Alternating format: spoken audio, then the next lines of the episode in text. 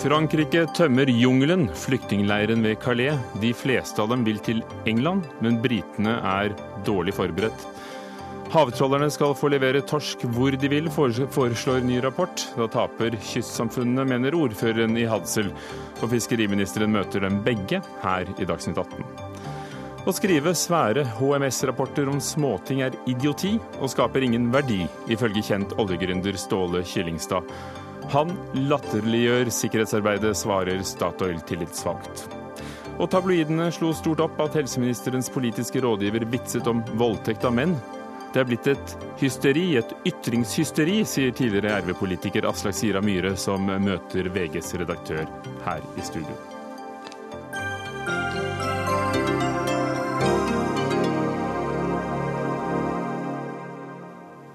Velkommen til Dagsnytt 18 med Ugo Fermariello i dag. 60 busser og mer enn 1200 polititjenestemenn var i sving fra tidlig i morges for å tømme den ulovlige flyktningleiren ved Calais i Frankrike. Mellom 6000 og 8000 flyktninger og migranter skal ha oppholdt seg i leiren, som på folkemunne altså kalles bare for La Jungle, jungelen. Philip Lote, vår korrespondent på plass i Calais. Hvordan ser det ut rundt deg? I dag så har vi sett uh, først dette senteret som franskmennene har opprettet, og så hundrevis av uh, i hovedsak unge menn som da kommer for å registrere seg. Uh, og De fleste av disse har da selvfølgelig sluttet opp om dette her frivillig og ønsker å reise fra leiren i Calais etter en del dager med overtalelse, må vi understreke. Du har tilbrakt tid inne i leiren. Hvordan, hvordan er det der? Hva slags sted er det?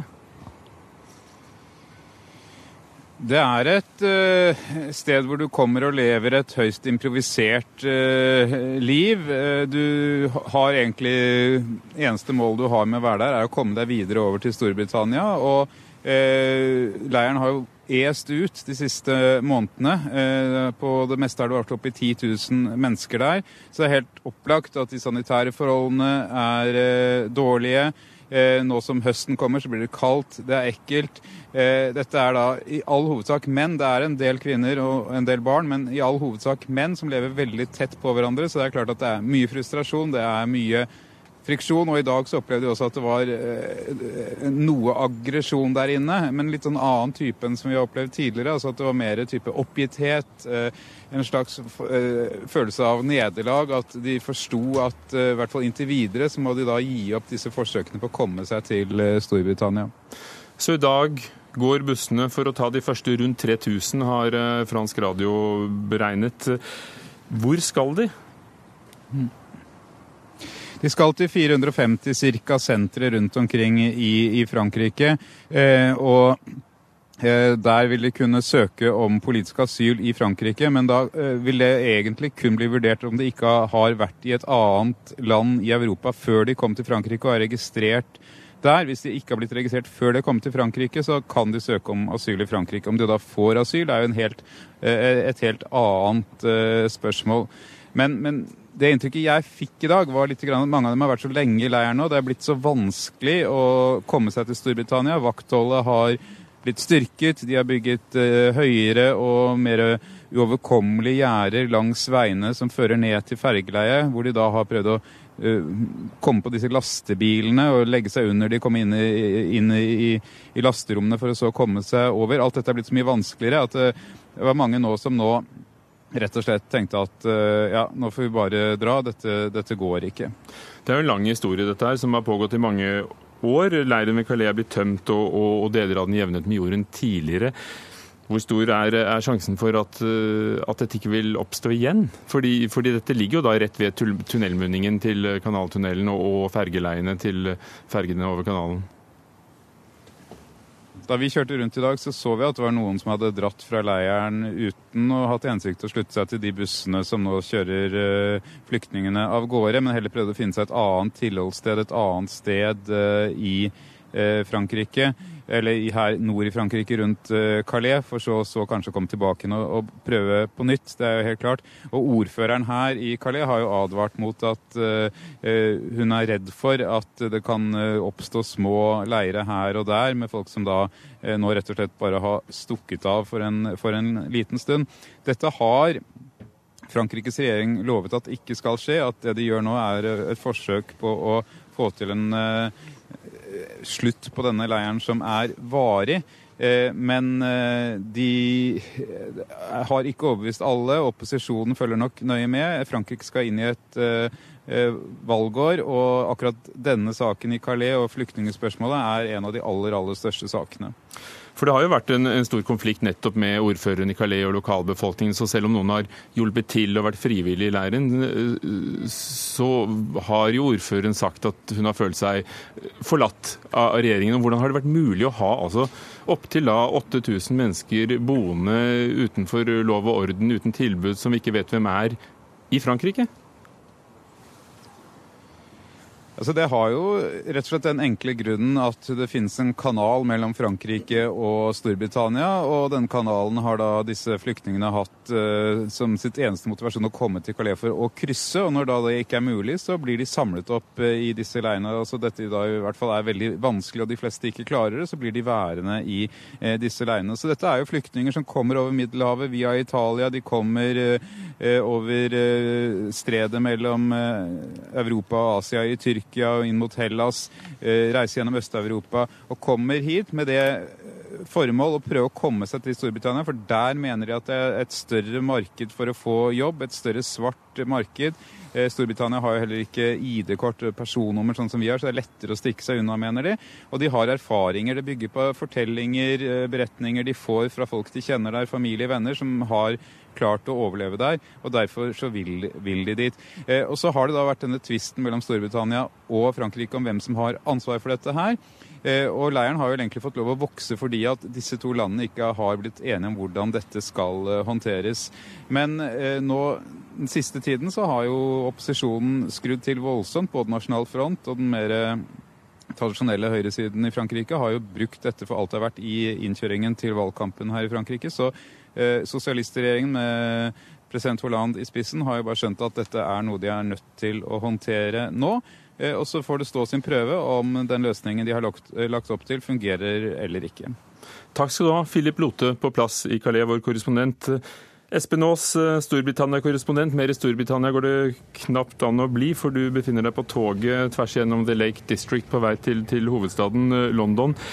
Hvordan Forbereder britene seg på at eh, leiren i Calais tømmes? Vel, Det korte svaret er jo at de ikke forbereder seg i hele tatt. Det virker jo som dette kommer nesten overraskende på, på britene, for det er veldig lite mottaksapparat klart.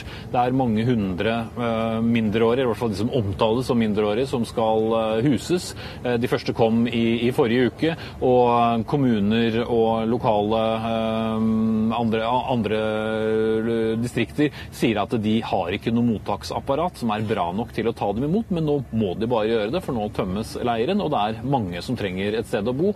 Og Frankrike har presset hardt på Storbritannia til å ta imot mange av dem. Og Det dreier seg da om mindreårige asylsøkere. og Der er det jo oppstått en politisk debatt omkring eh, hvor, det å vite at de faktisk er det. Hvordan preger det politikken i, i Storbritannia? Nei, De første hadde jo knapt ankommet britisk jord i forrige uke, før en del aviser begynte å stille spørsmålet unnskyld, er disse faktisk mindreårige? Enkelte av dem ser ut som de er både 20, 30 og 40 år. Eh, et parlamentsmedlem sa her er vi nødt til å begynne å sjekke tennene på de som kommer, for å kunne fastslå alderen. Ingen av de har jo ID-papirer, og dermed så var det litt av en politisk debatt i gang.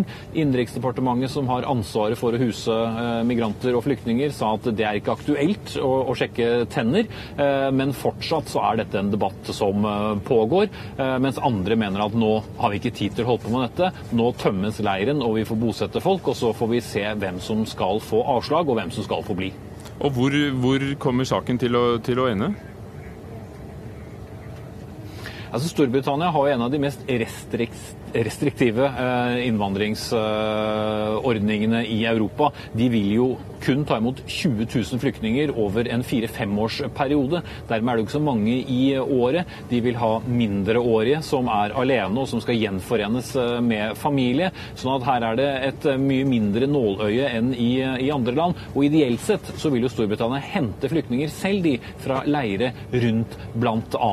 Syria, og ikke ta imot de som har kommet gjennom Europa ved egen hjelp, fordi Storbritannia mener det bare fører til én ting, nemlig at enda flere prøver den samme farlige ruten. Og de viser også til at det er mest unge menn, eh, og kanskje ikke engang barn, eh, mens de de vil hjelpe er jo enda yngre og kanskje enda mer trengende.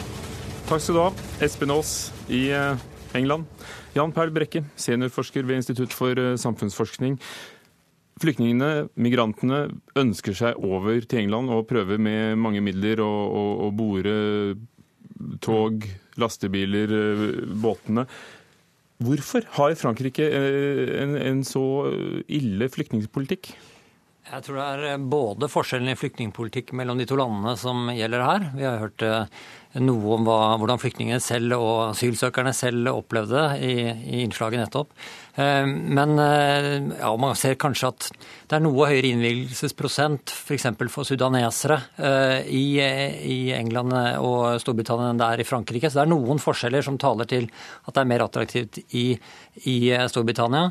Men stort sett så handler dette om at de allerede har satt seg som mål å komme til Storbritannia andre grunner. Nettopp nettverk og det at de allerede kjenner til dette landet og kanskje snakker språket og kommer fra en, en bakgrunn fra land som har allerede kontakt med Storbritannia. Mens andre eh, migranter og asylsøkere vil søke seg til Frankrike, og de hører vi ikke om her, fordi de er ikke i denne leiren, men er allerede spredt rundt i landet. Typisk folk fra Nord-Afrika eller folk som kommer fra land der fransk og den franske eh, innflytelsen har vært stor eh, i lang tid. For det ville vært nærliggende å tenke seg at mange av dem kanskje ønsket å være i Frankrike av de, av de årsakene. Ja, altså hvis det er... Hvis Opprinnelig, altså fra starten? Ja, nettopp.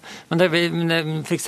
folk fra Afghanistan som vi hørte om her, Sudan, andre land, eh, Eritrea landet, eh, Noen av disse landene har hatt kontakt med England en lang tid og har nettverk der, har mennesker som er der, har familie, har venner og vet om mulighetene der. Mens andre landegrupper landgrupper, også fra Vest-Afrika f.eks., vil ha en nærmere tilknytning til Frankrike. Og Det ser vi i hele Europa. at at visse eh, herkomstland har eh, en affinitet eller en, en viss, eh, ja, et visst ønske om å komme til et visst antall destinasjonsland, visse typer destinasjonsland. Merete Agerbakk Jensen, kommunikasjonssjef i Unicef, som er FNs hjelpeorganisasjon for barn. Dere følger med nå på hva som skjer i Calais. Hvorfor? Vi følger veldig nøye med på det, og både egentlig i forhold til franske myndigheter og de britiske.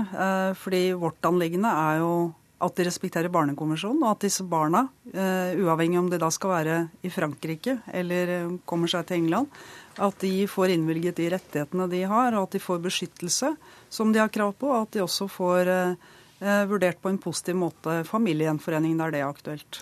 Vi hørte om debatten som har foregått i England på hvorvidt menneskene som oppgir å, være barn, faktisk er barn. Hvilken holdning har Unicef til, til det med å, å sjekke alder på folk? Altså, Vi eh, har det klare standpunktet at alle barn er barn frem til de er 18. Eh, og så forstår vi også at det kan av og til være vanskelig å, å avgjøre ut fra intervjuer. Her er det jo også folk uten papirer. Men eh, her er det jo også helt andre forhold som kommer inn. Eh, er ikke minst dette med gjenforening, som jo bør veie veldig tungt. Og vi vet jo også hvilke grusomme forhold disse har levd under. Både mange av dem på flukten, eh, og også i den leiren hvor det I denne jungelleiren har også hersket jungelens lover med stor grad av overgrep, eh, vold eh, og mye som barn ikke skal behøve å oppleve.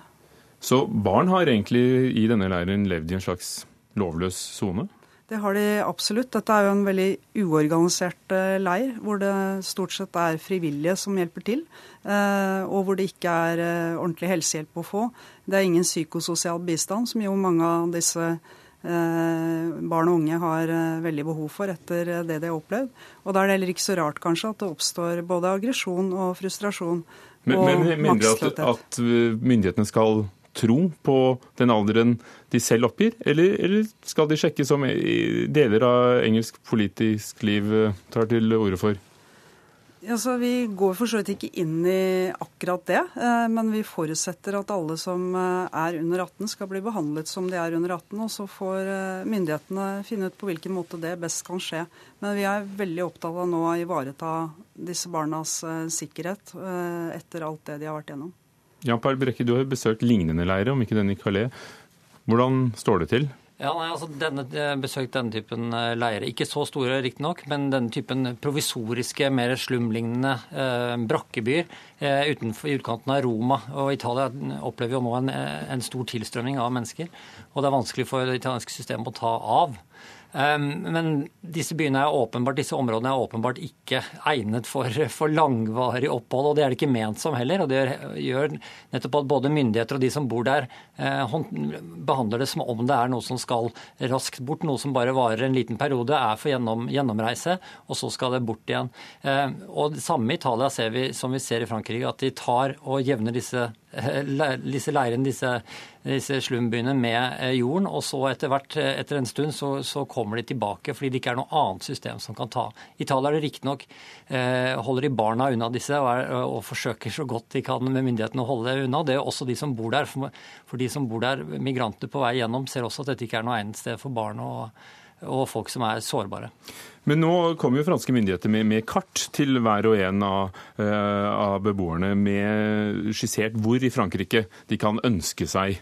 Uh, det er jo strukturer for å ta imot uh, asylsøkere, migranter, flyktninger i de europeiske landene mer eller mindre gode. Det må da være bedre enn å bo i en sånn slum? Ja, det, Så lenge man vil være i det landet, så vil det åpenbart være bedre. Eh, og her er, men det er jo en miks av folk her. Det er en miks av folk med uh, ulik type bakgrunn, ulik tro på at de kommer til å få gjennomslag for sin sak, kommer til å få opphold. Og det er klart at det også ligger her som en uh, Hvis man er fra et land og har en bakgrunn som har en veldig lav innvilgelsesprosent, liten sjanse for å få opphold og asyl, så er det klart man har en annen, en annen motivasjon for å delt, gå gjennom det ordinære systemet enn andre. Mens de som har en sterk sak, jeg ser at det er mange fra Eritrea f.eks. som får opphold både både i Frankrike og England og andre, eller Storbritannia og andre land i Europa, de skulle ha liten grunn til ikke bare gå gjennom det vanlige systemet. Med mindre de vil til et spesielt land. Og det er utfordringen i Europa nå, at vi har mye sekundærbevegelser. At folk drar videre til dit de ønsker seg, og ikke kommer, blir der de først eh, lander og blir registrert. Unicef engasjerte seg politisk bl.a. for å få Storbritannia til å ta imot de mindreårige eh, de mindreårige fra, fra jungelen i Calais. Men hva har UNICEF gjort for, for barna som har vært eh, mer eller mindre eh, frivillig i, i leirene? Nei, Det viktigste vi kan gjøre, er jo rett og slett å drive påvirkning eh, for å få myndighetene til å ta det ansvaret vi mener de, de bør ta. Og, Så Unicef er ikke blant de praktiske som går inn og stiller opp? Ikke i land som Frankrike og England nødvendigvis, men det vi gjerne gir råd om, er hvordan man skal behandle barn i forhold til Barnekonvensjonen. Og når vi også, En bekymring til vi har, er at uh, sist, altså når denne forrige delen av dette ble jevnt med jorden, så forsvant jo 129 barn som ingen har sett noe til siden. Og da er de helt uten beskyttelse og helt lovløse. Så det er også en bekymring. Er det et veiskille i flyktningpolitikken i Europa når Calais-leiren fjernes på denne måten i løpet av et par dager? Jeg tror det peker, på, det peker, på, at man i Europa eh, forsøker å lage en ny orden med større samordning, større, eh, større eh, system for byrdefordeling. Og Det er det kommisjonen har lagt frem nå. Det er det man satser på, at landene må samarbeide. Man innser det nå. Takk. Jan Paul Brekke ved Institutt for samfunnsforskning og Merete Agerbakk Jensen fra Unicef.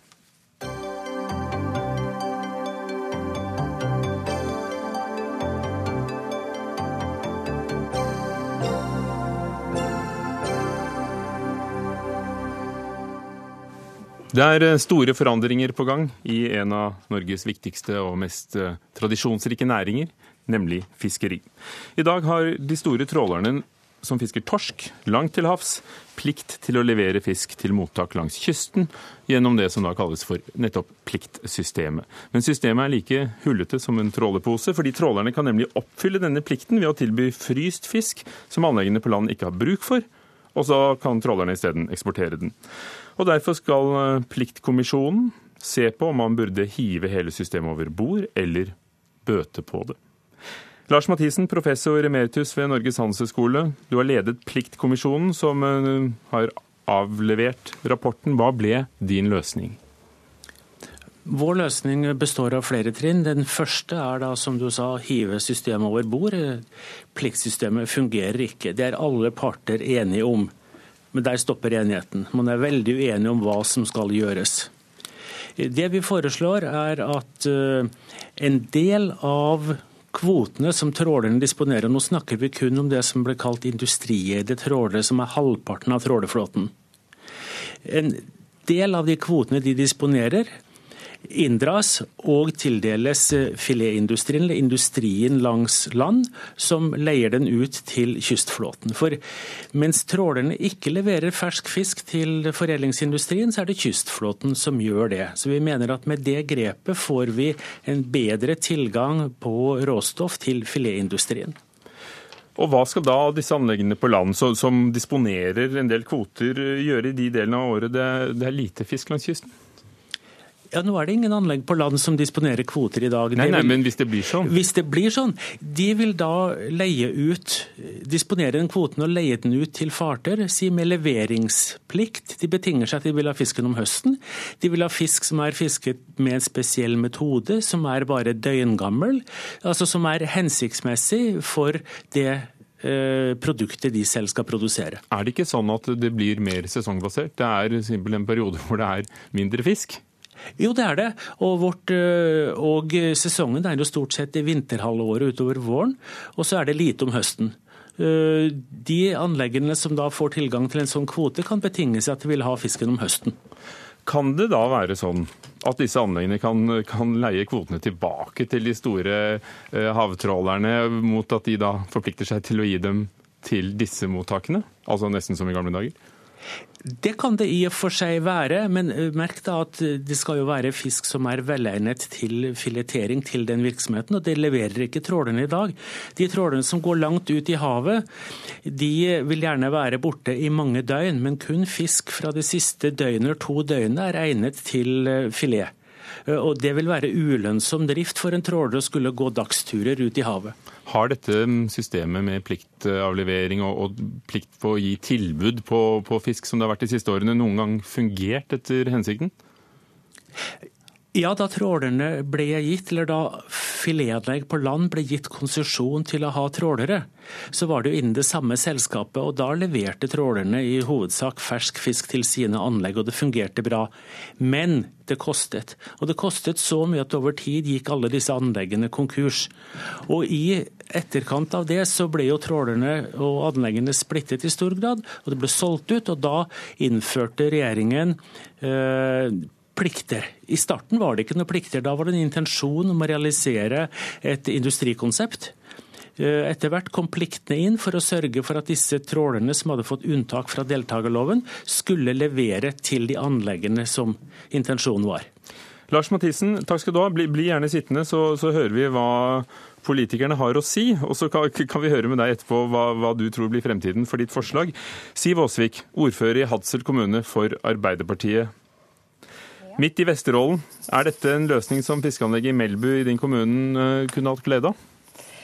Nei, altså, Hvis man skal beskrive forslaget fra kommisjonen, så er en sammenligning eh, som passer, er at om du utnytter skattesystemet lenge nok for å unngå å betale skatt, så skal staten til slutt gi deg belønning ved å la deg slippe helt. Det er ingen tvil om at eh, at forslaget innebærer en sånn type ordning. Og For oss er det klart at selskap som får høsta fellesskapets fisk, kan ikke få slippe unna på en eh, sånn måte. Men, men her vil jo da f.eks. fiskeanlegget i Melbu få disponere noen kvoter som gjør at de blir sikret eh, råmateriale? Det er nok ikke så enkelt som det blir beskrevet. Denne ordninga vil kun fungere for det enkelte rederi, og ikke for Melbu og Stamsund eller de andre kystsamfunnene som er tufta for fiskeindustrien. Og, og, dette er jo all den tid vi vet at kvotene som trålerne fikk, ble gitt mot at de skulle gi aktivitet på land. Eh, og etter vår mening så har ikke kommisjonen svart på oppgaven som Stortinget har gitt dem. De skulle finne ut hvordan pliktene kan oppfylles, ikke hvordan trålerne, trålerne skal slippe billigst mulig unna det. Men nå har de altså foreslått et helt nytt system. Kan du forklare en gang til hvorfor det ikke hjelper dine lokalsamfunn hvis de da selv disponerer noen kvoter som de kan uh, leie ut til kystfiskere som kan levere fisk til dem? Nei, Forslaget fra kommisjonen virker jo på mange måter som hastverksarbeid og lite gjennomtenkt. fordi at uh, Det vil være veldig uforutsigbart hvilke anlegg som får kvoter. Uh, det vil være uforutsigbart fra, fra periode til periode, år til år.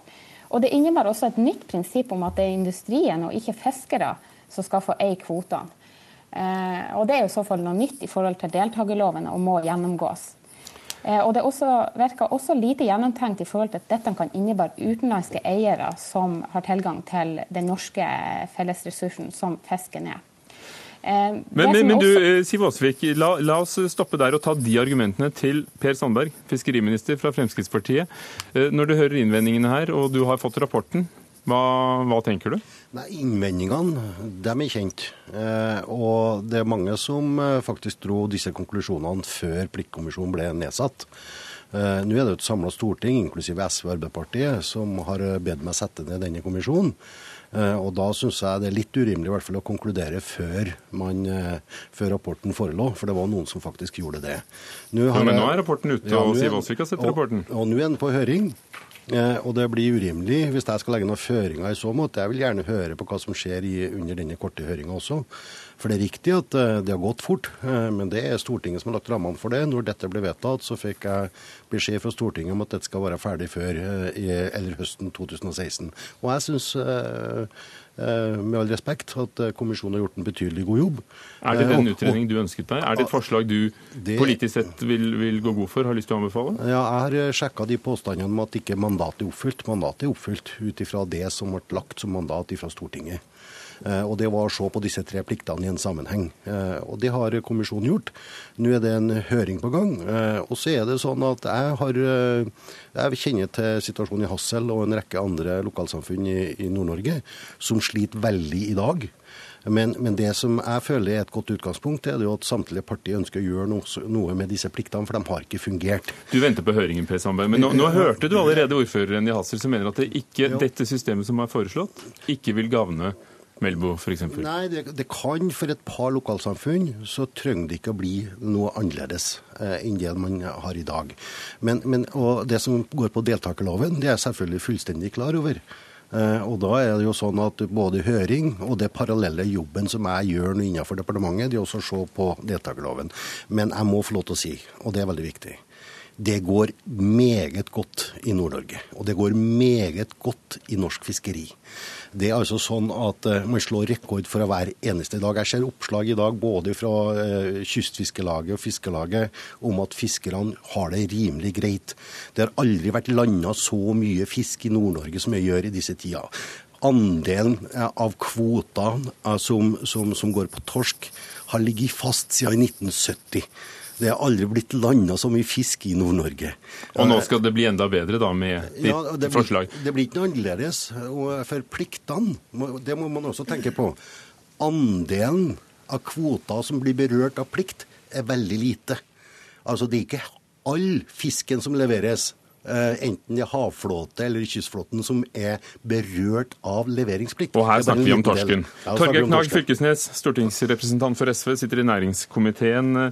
Eh, går det så godt med norsk fiskeri at eh, dette her vil gjøre det, og at dette vil gjøre det enda enda bedre? For dette må jo være akkurat det SV ønsker seg, å ta, ta kvoter fra de store trålselskapene og, og gi til kystfiskere. Altså, det går veldig bra i norsk fiskeri. Veldig høye priser. Eh, verden har lyst på norsk fisk. Eh, sånn sett går det veldig bra. Men det som gjør at vi nordlendinger er veldig bekymra, det er at stadig mer av disse inntektene begynner å gå til stadig færre personer. Eh, det er noen få familier som begynner å samle til seg alle disse fiskerettighetene eh, lag på lag. Og det er, som, det er den diskusjonen vi nå ramler rett inn i. Eh, her har vi hatt et system som eh, har eh, virkelig gått ut på dato. Det har også den kommisjonen her konkludert med. Og den har ført til at noen redere har tjent mye, og så har kystsamfunn tapt massivt. Så er konklusjonen da til kommisjonen at det er kun 10 av den fisken der skal tilfalle kystsamfunnene. Og så skal rederne få lov til å, noen få redere få lov til å stikke av med 90% Og Det er jo den urettferdigheten som vi hører nå fra, fra ordføreren til i Melbu. Det, vi snakker her om 10% og det er såpass lite fisk. Det er på størrelse med det turistfisket blir dimensjonert for eh, i året. Altså det er veldig lite fisk. Så du mener at det ikke er nok? De går ikke langt nok? For å si det sånn, intensjonen var, eh, Grunnen til at man åpna opp for disse industrieide trålkonsesjonene, det var at eh, at kysten, dette skulle komme kysten til gode. Ingen annen begrunnelse enn det. Så har denne, hele systemet her blitt uthula, utvanna, eh, og urettferdigheten har bare blitt større og større og større. Og da er det jo helt riktig det som ordføreren i, i Melbu her sier. Det blir som at hvis du snyter lenge nok på skatten, så, du, så kommer, kommer, du unna med det til slutt. Det det... Men her har jo ingen snytt, det er ingen som har gjort noe ulovlig her. Det er åpenbart, altså, det er jo det kommisjonen eh, påpeker her, at her hadde man en intensjon om at dette skulle komme til kysten. Eh, så er historien blitt sånn at man har uthula, eh, man har lurt, man har, man har, Det har vært en veldig kreativ måte å både uthule det på, også med til dels politisk velsignelse gjennom ulike typer Hva er det kreative her, da, helt kort?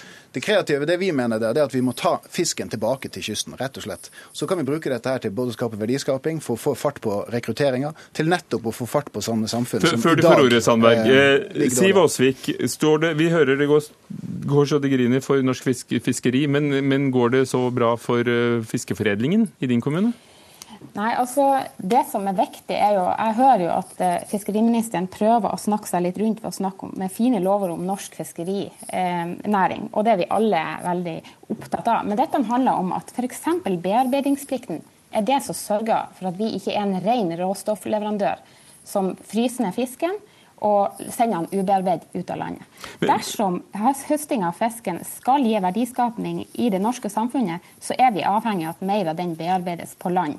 Eh, langs kysten. Og Dette forslaget fra kommisjonen svarer ikke godt nok på hvordan vi skal Men Går det, går det dårlig eller går det godt i, i, i Melbu?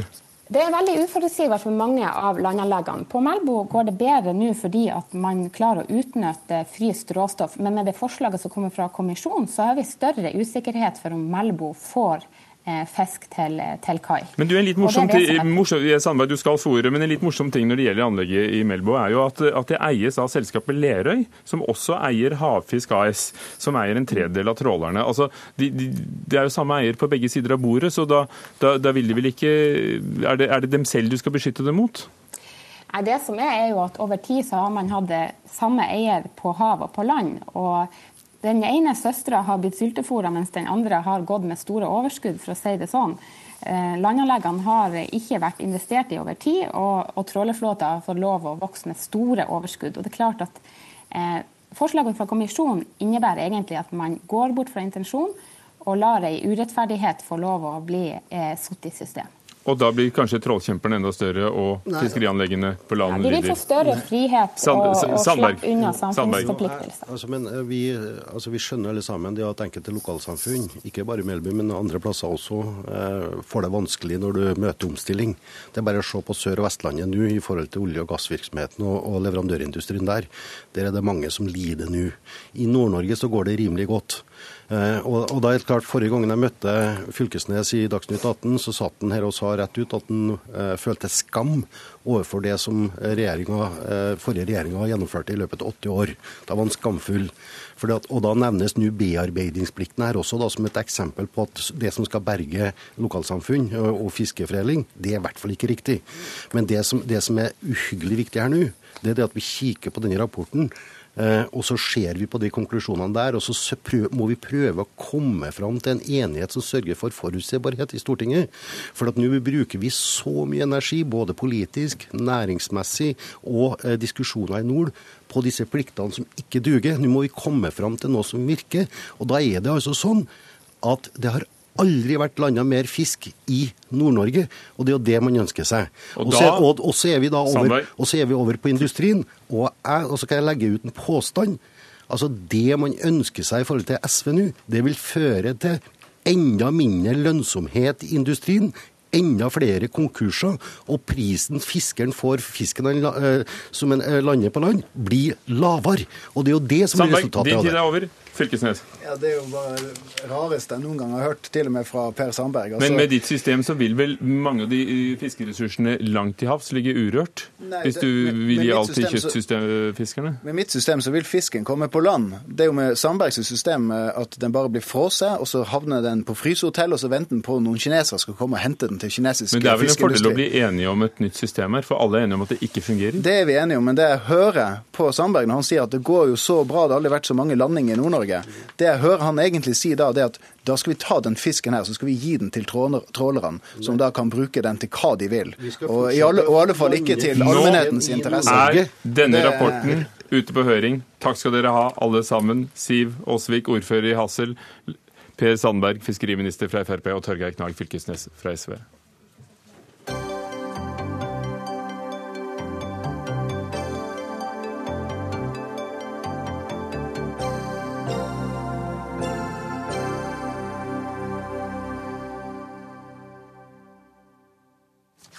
Vi fortsetter i Nordsjøen til havs, for det skal handle om en annen havnæring, nemlig oljenæringen i Norge. HMS-byråkratiet har tatt helt overhånd. Mye er ren idioti og bidrar til null verdiskaping.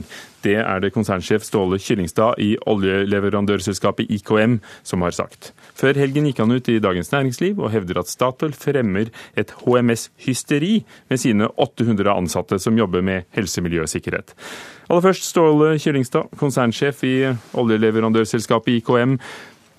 Videoen ble, ble, delt av 40 000 lesere av DNs sider, og, og hvilke reaksjoner har du fått? Nei, Utelukkende positive reaksjoner fram til nå, faktisk. Eh, det var jo, den videoen jeg viste, viser jo også noe av den interne prosessene som IKM selv har vært igjennom. Det var jo vi som betalte for den rapporten på 63 sider om vernesko og, og vernehansker, som jo egentlig jeg mener er tull. Vi burde sitte før. Det er ikke det du utdanner folk for å gjøre, men det var faktisk det de gjorde. Når du bruker så sterkt ord som idioti, kan du, kan du komme med flere eksempler enn 63 sider om vernesko og vernehansker? Ja, det har vært f.eks. For, for noen år siden, litt tilbake i tid, utkalt på et større prosjekt. Det var faktisk Statoil som drev det, men jeg vet at de større entreprenørene i Norge som bygde.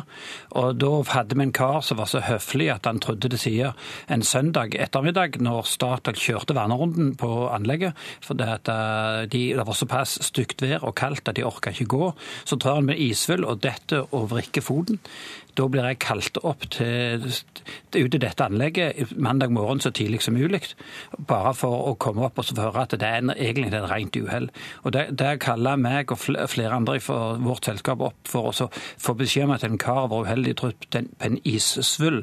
Det har veldig lite med HMS å gjøre. Ja, det er veldig beklagelig for han som trodde, men det, er ikke, det henger ikke med god HMS å gjøre. Men, men nå tar jo du to eksempler som kan virke karikerte.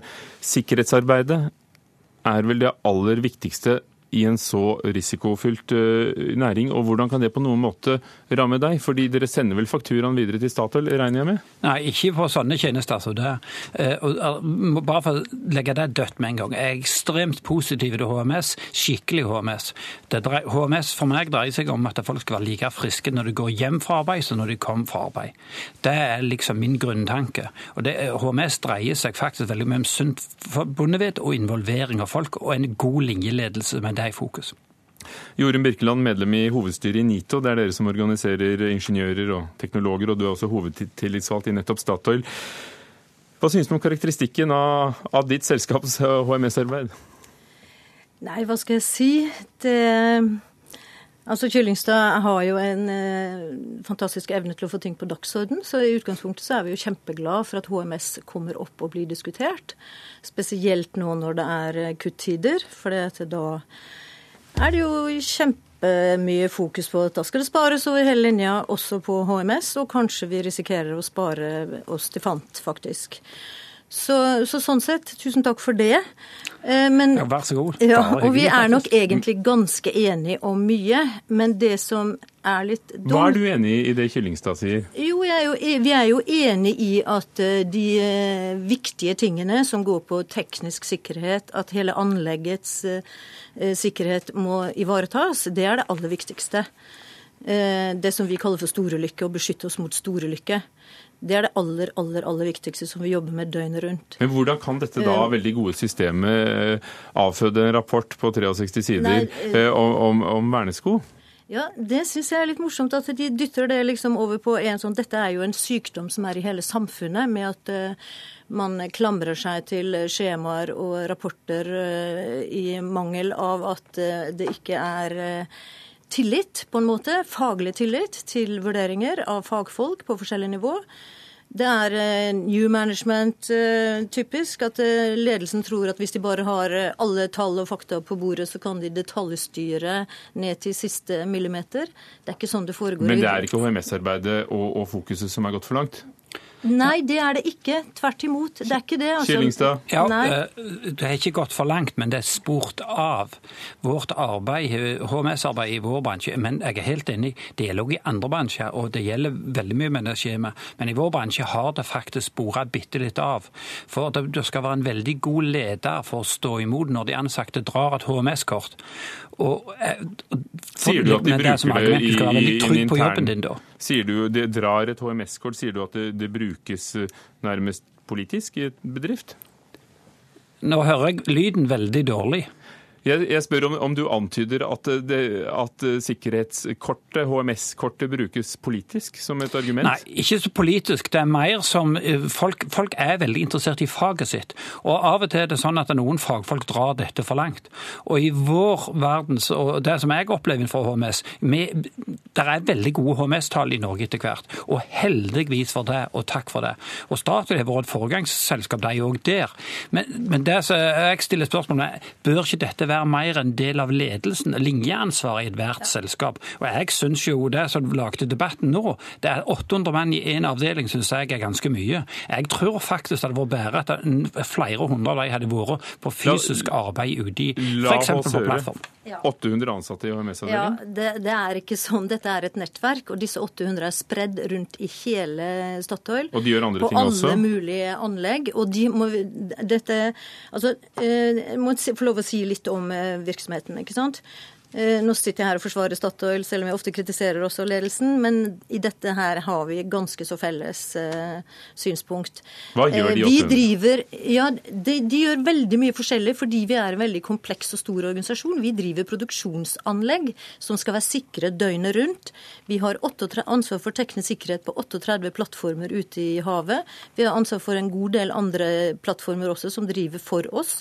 Vi må ha full kontroll på sikkerheten hele veien, og da kreves det vanvittig mye kunnskap, faktisk. Og når du sier det det sånn- er det vi driver mest med. Og når Dette du sier er det sånn, så virker det jo innlysende. Men Ja. kan det være likevel at prosedyrene er blitt så omstendelige at de noen ganger er unødvendige? Sikkert noe innimellom, men det er ærlig talt ikke det Jo. som er hovedproblemet vårt. Det er ikke det. antallet alvorlige personskader gikk opp i 2015. Vi fikk i tillegg den første dødsulykken på sokkelen siden 2009. Eh, Og dette er, er tallet ifølge Petroleumstilsynet. Kan det henge, altså Er det en tid, når også eh, det er lavere lønnsomhet i bransjen, en tid å kutte nettopp på sikkerhetsaspektet? Jeg tror du skal vi kutte, så må vi kutte litt av alt. Og det er det vi egentlig prøver å gjøre. Eh, Det som jeg føler at det er byråkrati omkring HMS. Det er direkte HMS-en som ivaretar folks sikkerhet. Det er blitt mer gjort om til rapporter, skjema og avdelinger som jobber mot hverandre. Jeg er mye mer for det direkte sikkerhetsarbeidet som foregår ute blant folk. Og det, Det er ikke bare at du er irritert for at du må bruke mange arbeidstimer i din bedrift på dette, da. Men det, men det gjelder jo alle dine konkurrenter også. Du skal få ordet, Ja. Mm. Kyllingstad. Ja, eh, For å si det sånn, vi, vi har fire personer på fulltid, og så har vi veldig mange i linjeledelsen som har dette som en del av sitt arbeid.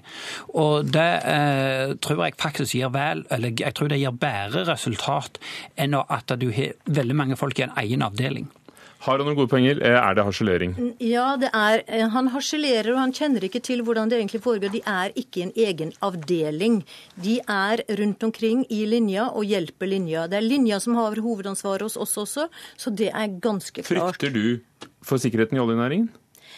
Ja, jeg frykter at dette eh, fokuset på kostnader og penger og, kan forskyve oppmerksomheten. Det gjør jeg faktisk, ja. Takk skal dere ha, begge to. Jørund Birkeland, eh, hovedtillitsvalgt i, i Statoil og, og medlem i hovedstyret i NITO. Og til deg, Ståle Kjellingstad, oljegründer.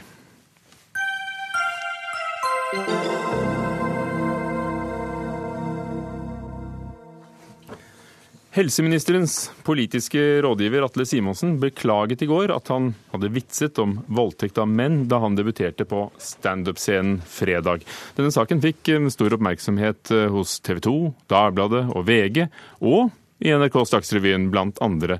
Simonsen hadde selv lagt ut dette klippet av sin første opptreden på sine sider på Facebook. Men litt mer eh, alvorlig, så, så var det sånn at jeg nettopp leste en, en rapport som var ganske alvorlig, hvor det kom fram at det er stadig flere menn som anmelder voldtekt. Voldtekt begått av damer. Altså menn som har blitt voldtatt av damer. Hvordan foregår det? Hvordan går det an? Altså slid, Det er jo slid nok for noen å, å få han opp når de har lyst. Jeg har jeg hørt. Har jeg hørt, altså. Men det er jo mulig at de bare ble stiv av skrekk. Og mange har sikkert sett de litt grynte bildene av dette som er blitt delt og, og vist på TV. Aslak Sira Myhre, tidligere politiker for RV. Privatperson. Mange vet kanskje at du også er nasjonalbibliotekar, selv om det ikke er derfor du er her? Det er jeg, men med fare for å bli arrestert for uttaling på vegne av Nasjonalbiblioteket når jeg sier noe noen ikke liker, så er jeg altså ikke her på vegne av Nasjonalbiblioteket. Så er det veldig klart. Hva synes du om eh, alle medieoppslagene som er kommet i etterkant? Først og fremst syns jeg det er litt flaut. Eh, og, og det er flaut for offentligheten i Norge. Eh, og det er egentlig det viktigste trekket vi har på at vi, vår offentlighet begynner å ligne på Amerika. Altså en offentlighet hvor person blir viktigere og viktigere, og hva folk har gjort og sagt. Og det som jeg ser er at det som skjer, er at en politisk rådgiver fra Fremskrittspartiet for Bent Høie fyller eh, alle aviser på nettet og Dagsrevyen og TV 2-nyhetene i halvannet døgn fordi at han har fortalt en vits. Den samme politikeren har vært rådgiver for Fremskrittspartiet, for Bent Høie, i mange år, uten at noen avis eller noen medium har brydd seg om hva slags råd han gir, hva politikk han står for, hva mener Fremskrittspartiet om dette, hva skjer rundt dette. Men Nå er det rådgiver i ganske anonym rolle, men, men, når man trer ut av den rollen, så er det ikke anonym. En rådgiver er ikke anonym. En rådgiver er en av de to viktigste politiske figurene i departement med siden av ministeren. En politisk rådgiver er en svært viktig og mektig maktperson, som man godt kan undersøke hva mener og gjør politisk. Men Atle Simonsen har ikke vært interessante i det hele tatt. Helt han sa noe, helt han fortalte en vits. Og når han forteller en vits som kanskje noen kan bli krenka av, jeg har ikke møtt noen som har blitt krenka, men kanskje noen har blitt krenka, så klarer man å gjøre det til en enorm nyhet. Og hvor man da gjør seg sjøl til mikrofonstativ for å finne noen som kanskje blir krenka. Poenget er at hvis ikke Atle Simonsen, hvis ikke VG hadde fatt i dette, så ville Atle Simonsen fortalt en dårlig vits, som for øvrig er en del av standup-repertoaret rundt omkring i hele landet. Han har ikke funnet på denne vitsen sjøl. Dette er en standup-vits som går og går og går og går og går går og går. Den er ganske dårlig, men det er ikke hans vits. Denne vitsen ville vært hørt av 50 stykk på Folkene i Stavanger og 2000 følgere på Facebook inntil VG grep fatt i han. Den som sprakte dette ut til hele landet og potensielt sett traff noen som kunne blitt krenka av det, måtte i tilfelle vært VG eller TV 2 eller Dagsrevyen, som var de som var brekt ut. Så ikke dette var forsonlistighet, som det skulle ha gjort. Og den utvalgte for å svare på denne tiraden, det er da VG. Gard Steiro, nyhetsredaktør. Hvorfor slo dere så stort opp? La, meg begynne med å si det sånn. Altså, Jeg er enig i noe Nei. Ikke begynn med det. Kan du begynne med å si hvor, da dere satt og gjorde vurderingene, ja, hvorfor det, ble dette en stor sak? Og det vil si at vi, altså, Jeg er enig i noe av det grunnleggende, men jeg syns eksempelet er veldig dårlig.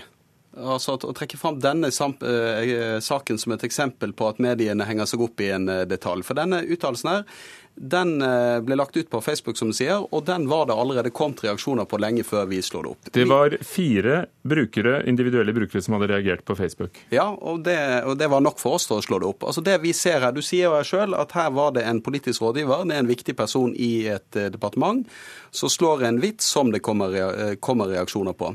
Og, og, og som nyhetsredaktør, ja. når du da sitter der, og noen foreslår denne saken og får øye på det. Hvor, hva, hva, hva, tenker du? Hvorfor er det en stor sak? For, for, den ble jo slått stort opp. Ikke bare hos dere, men nå er det du som er her. Ja.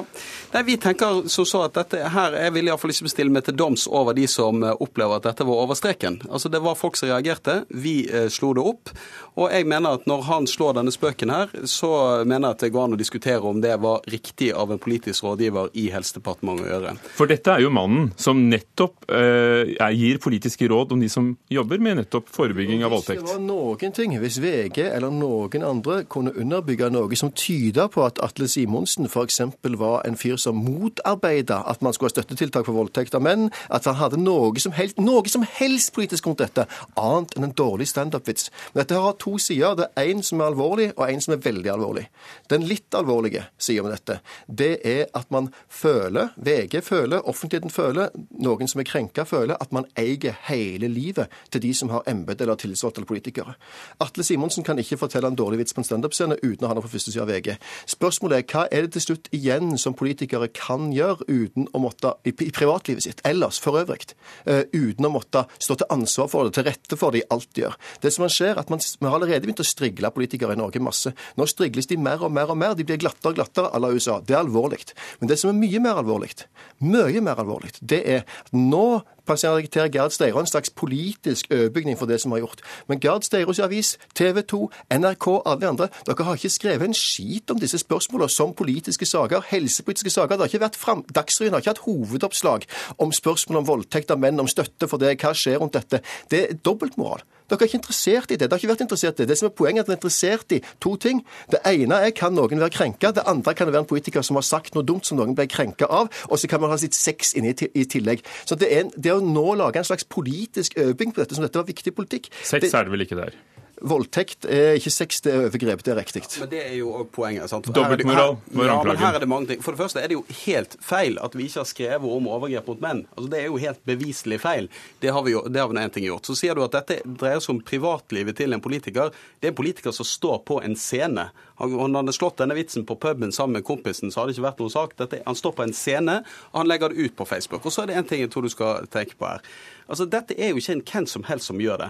Dette er en politisk råde ved et departement som bl.a. tar ansvar for den politikken som disse som, mennene som blir utsatt for overgrep, skal møte. Og Jeg har ikke lyst til å sitte her og si, og jeg syns det, er billig å si at de menneskene som opplever seg krenket av dette, ikke skal få lov å føle seg krenket av dette er upassende. Altså, det, altså jeg mener at Hvis du er politisk rådgiver i Helsedepartementet, og du slår en vits som treffer akkurat de fordommene som mange menn som blir utsatt for overgrep, som gjør at de ikke anmelder. Altså, Da må du tåle en debatt om det. Da, mener jeg at da, da, må, du tåle, da må du tåle det. Og nå har den politiske rådgiveren òg beklaget det. Og når han har beklaget det, så regner jeg med at han òg innser at dette kanskje ikke var det, den klokeste vitsen han slo på den scenen. Og han må gjerne være, være standup-komiker hele tiden, for min del. Dette er det fascinerende her, fordi at du, du, sier to ting. Det ene er at det var ikke den klokeste vitsen. Nei, det er vi helt enige om. Det var ikke den klokeste vitsen, det var ikke den beste vitsen heller. Men så er spørsmålet Det at det ikke var den klokeste vitsen, forsvarer det altså to dager, framsider, debatter, hovedoppslag på Dagsrevyen, TV 2-nyhetene? For det du sa, det var ikke den klokeste vitsen. Nei, og hva så? Det er det spørsmålet man har stilt seg. Og hva så? Og så er neste spørsmålet. Ja, han skal møte. Og da er det to ting. Ja, han skal møte. Hadde det ikke vært for dere, så ville ingen i hele Norge utenom de tusen på Facebook-sidene visst om dette. Altså ville det ikke vært et stort problem, akkurat som vitsen på puben. For det andre, hvis du samtidig har dokumentert at Atle Simonsen i dette tilfellet, og jeg er jo ikke Frp eller støtter Frp, det er ikke det som er poenget, men at Atle Simonsen på noen måte har vist at han ikke er i stand til å møte overgrepsofre som er menn, så ville du hatt et poeng. Men, Men det er det ingen som har dokumentert. Hvordan kan han med troverdighet nå som politiker møte f.eks. på en konferanse som handler om eh, voldtekt av menn? Da kan han si det er, veldig enkelt for Atle Simonsen. men nå, nå, fører vi dette over for debatten om vitsen. Altså, nå skal vi diskutere, nå skal vi sitte og diskutere denne vitsen og konsekvensen av vitsen. og Det mener jeg er et blindspor. Spørsmålet er hvorfor blir vitsen viktigere enn politikken? Det er spørsmålet som må stilles. Hvorfor er denne vitsen mye viktigere enn politikken? Da lar vi det være siste spørsmål. Men jeg synes poenget ditt, poenget ditt er godt. Du velger bare feil eksempel. Altså hvis du skal hvis du skal diskutere dette temaet om Eh, om, eh, om, at folk blir for lett krenket, om at media blåser opp detaljer. Det er en interessant og viktig debatt. Jeg er helt enig med deg. Men, jo, men jeg syns bare, bare, du velger et utrolig dårlig eksempel. Kan, fant dere, fant dere uh, mange nok altså Det var fire som reagerte på Facebook. Er dere krenket på, på, på, vegne av andre? Nei, Jeg er ikke krenket av det i det hele tatt. Jeg syns det var en umåtelig dårlig vits. Men jeg syns ikke det er poenget. Poenget er at her er det noen som opplever dette som ubehagelig og uklokt av han. Men de ville ikke visst om det hvis ikke vi alle hadde slått opp? Nei, det, nei men det er noen mye ting som sies i mindre forsamlinger som, som definitivt eh, forvent, som bør problematiseres i et større rom. Altså, sier Myhre, frister politikken igjen? Nei. Og jeg må innrømme at Noe av det som frister meg minst med å gå tilbake i politikken, er dette. Ikke pga. den vitsen der, Atle Simonsen, men poenget av den ideen som Gerd Steiro og offentligheten har nå, om at man eier alt, og du skal være feilfri, du skal være glatt, du skal være rein, du skal ikke, du skal ikke banne, du skal ikke fise, du skal ikke fortelle dårlige vitser, du skal ikke drikke. Du skal bare være strigla. Å gå inn i det livet, det orker jeg ikke tanken på. Er vi blitt for Nei, men jeg mener at det er, lang, det, er lang, det er, jo en lang, vei fra å være fullstendig glatt og striglet til å måtte Til å fortelle en vits som er dårlig. Takk skal dere ha. Oskar Stauro, nyhetsredaktør i VG. Aslak Sira Myhre, privatperson og tidligere RV-politiker.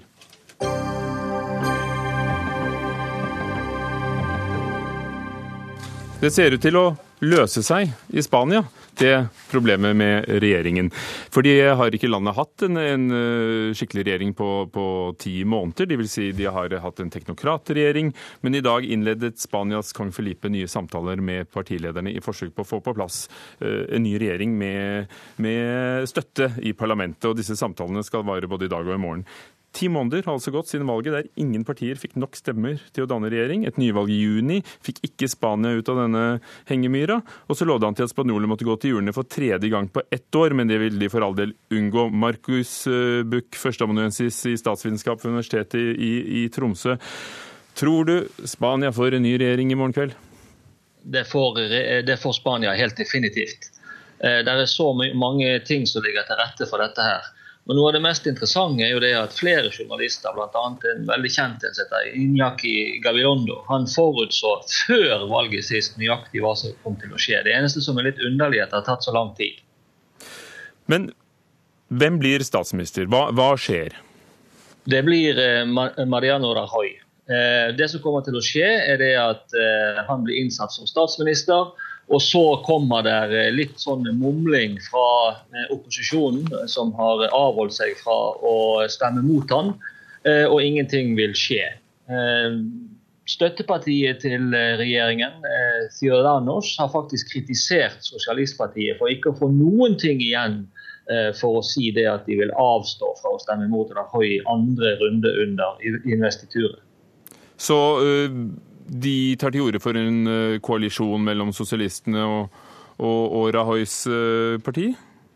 Nei, det er koalisjon det er ikke det snakk om i det hele tatt. Eh, det Hva skulle de fått igjen? Nei, De skulle fått igjen noen konsesjoner, noen innrømmelser på noen felt. F.eks.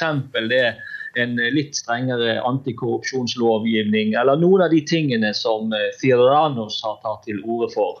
Eh, vi må huske på det at eh, her er kommet to helt nye opposisjonspartier inn i det eh, spanske parlamentet. Ciudadanos, som egentlig er et liberalt parti, og som da kommer til å støtte Partiet Popular. Det eneste de har gått til valg på, er at man skal fjerne folk som er korrupsjonstiltalt fra valglistene. Det har jo da ikke skjedd. Og så har vi selvfølgelig Podemos, det store partiet ute på venstresiden, som i hovedsak er sosialistpartiets problem. Rahoy er altså fra, fra, de konservative og Partido Popular. De fikk 137 uh, stemmer i parlamentet, og så har sosialistene 84.